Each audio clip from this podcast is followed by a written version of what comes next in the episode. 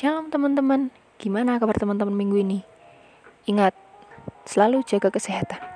Di tengah wabah yang sedang terjadi saat ini, kira-kira apa aja sih yang udah kita lakukan selain jaga kesehatan dan mengikuti arahan pemerintah untuk tetap berada di rumah? Pastinya, nggak lupa kita berdoa ya, supaya Tuhan segera lalukan wabah ini.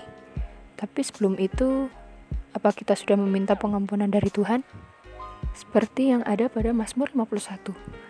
Dalam Mazmur 51 ini berisi tentang pengakuan dosa dari seorang Raja Daud karena ia jatuh dalam dosa persinahan dengan Bathsheba dan juga merencanakan kematian Uria.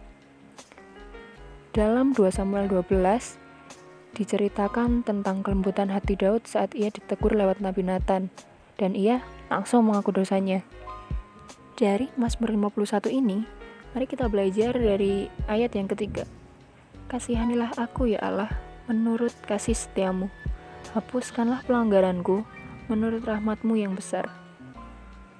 Di ayat yang ketiga ini, kita bisa belajar tiga hal. Yang pertama, Daud berkata, kasihanilah aku ya Allah. Di sini bisa kita lihat bahwa Daud sedang merendahkan dirinya untuk meminta belas kasih Allah tanpa ada pembelaan yang keluar untuk dirinya sendiri karena ia tahu dia sudah jatuh dalam dosa. Lalu yang kedua, menurut kasih setiamu. Di sini, Daud meminta ukuran pengampunan hanya dari kasih Allah saja, tanpa melihat apa saja yang sudah Daud lakukan. Ya, karena Daud tahu bahwa dia sudah jatuh dalam dosa, dan semua yang dilakukan adalah sia-sia.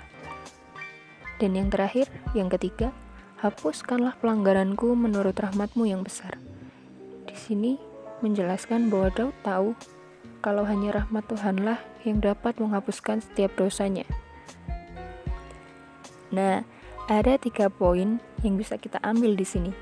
Yang pertama, memohon belas kasih Tuhan.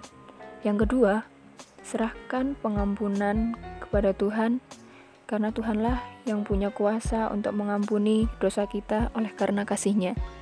Dan yang ketiga, percayalah bahwa dengan rahmatnya dosa kita sudah dihapuskan.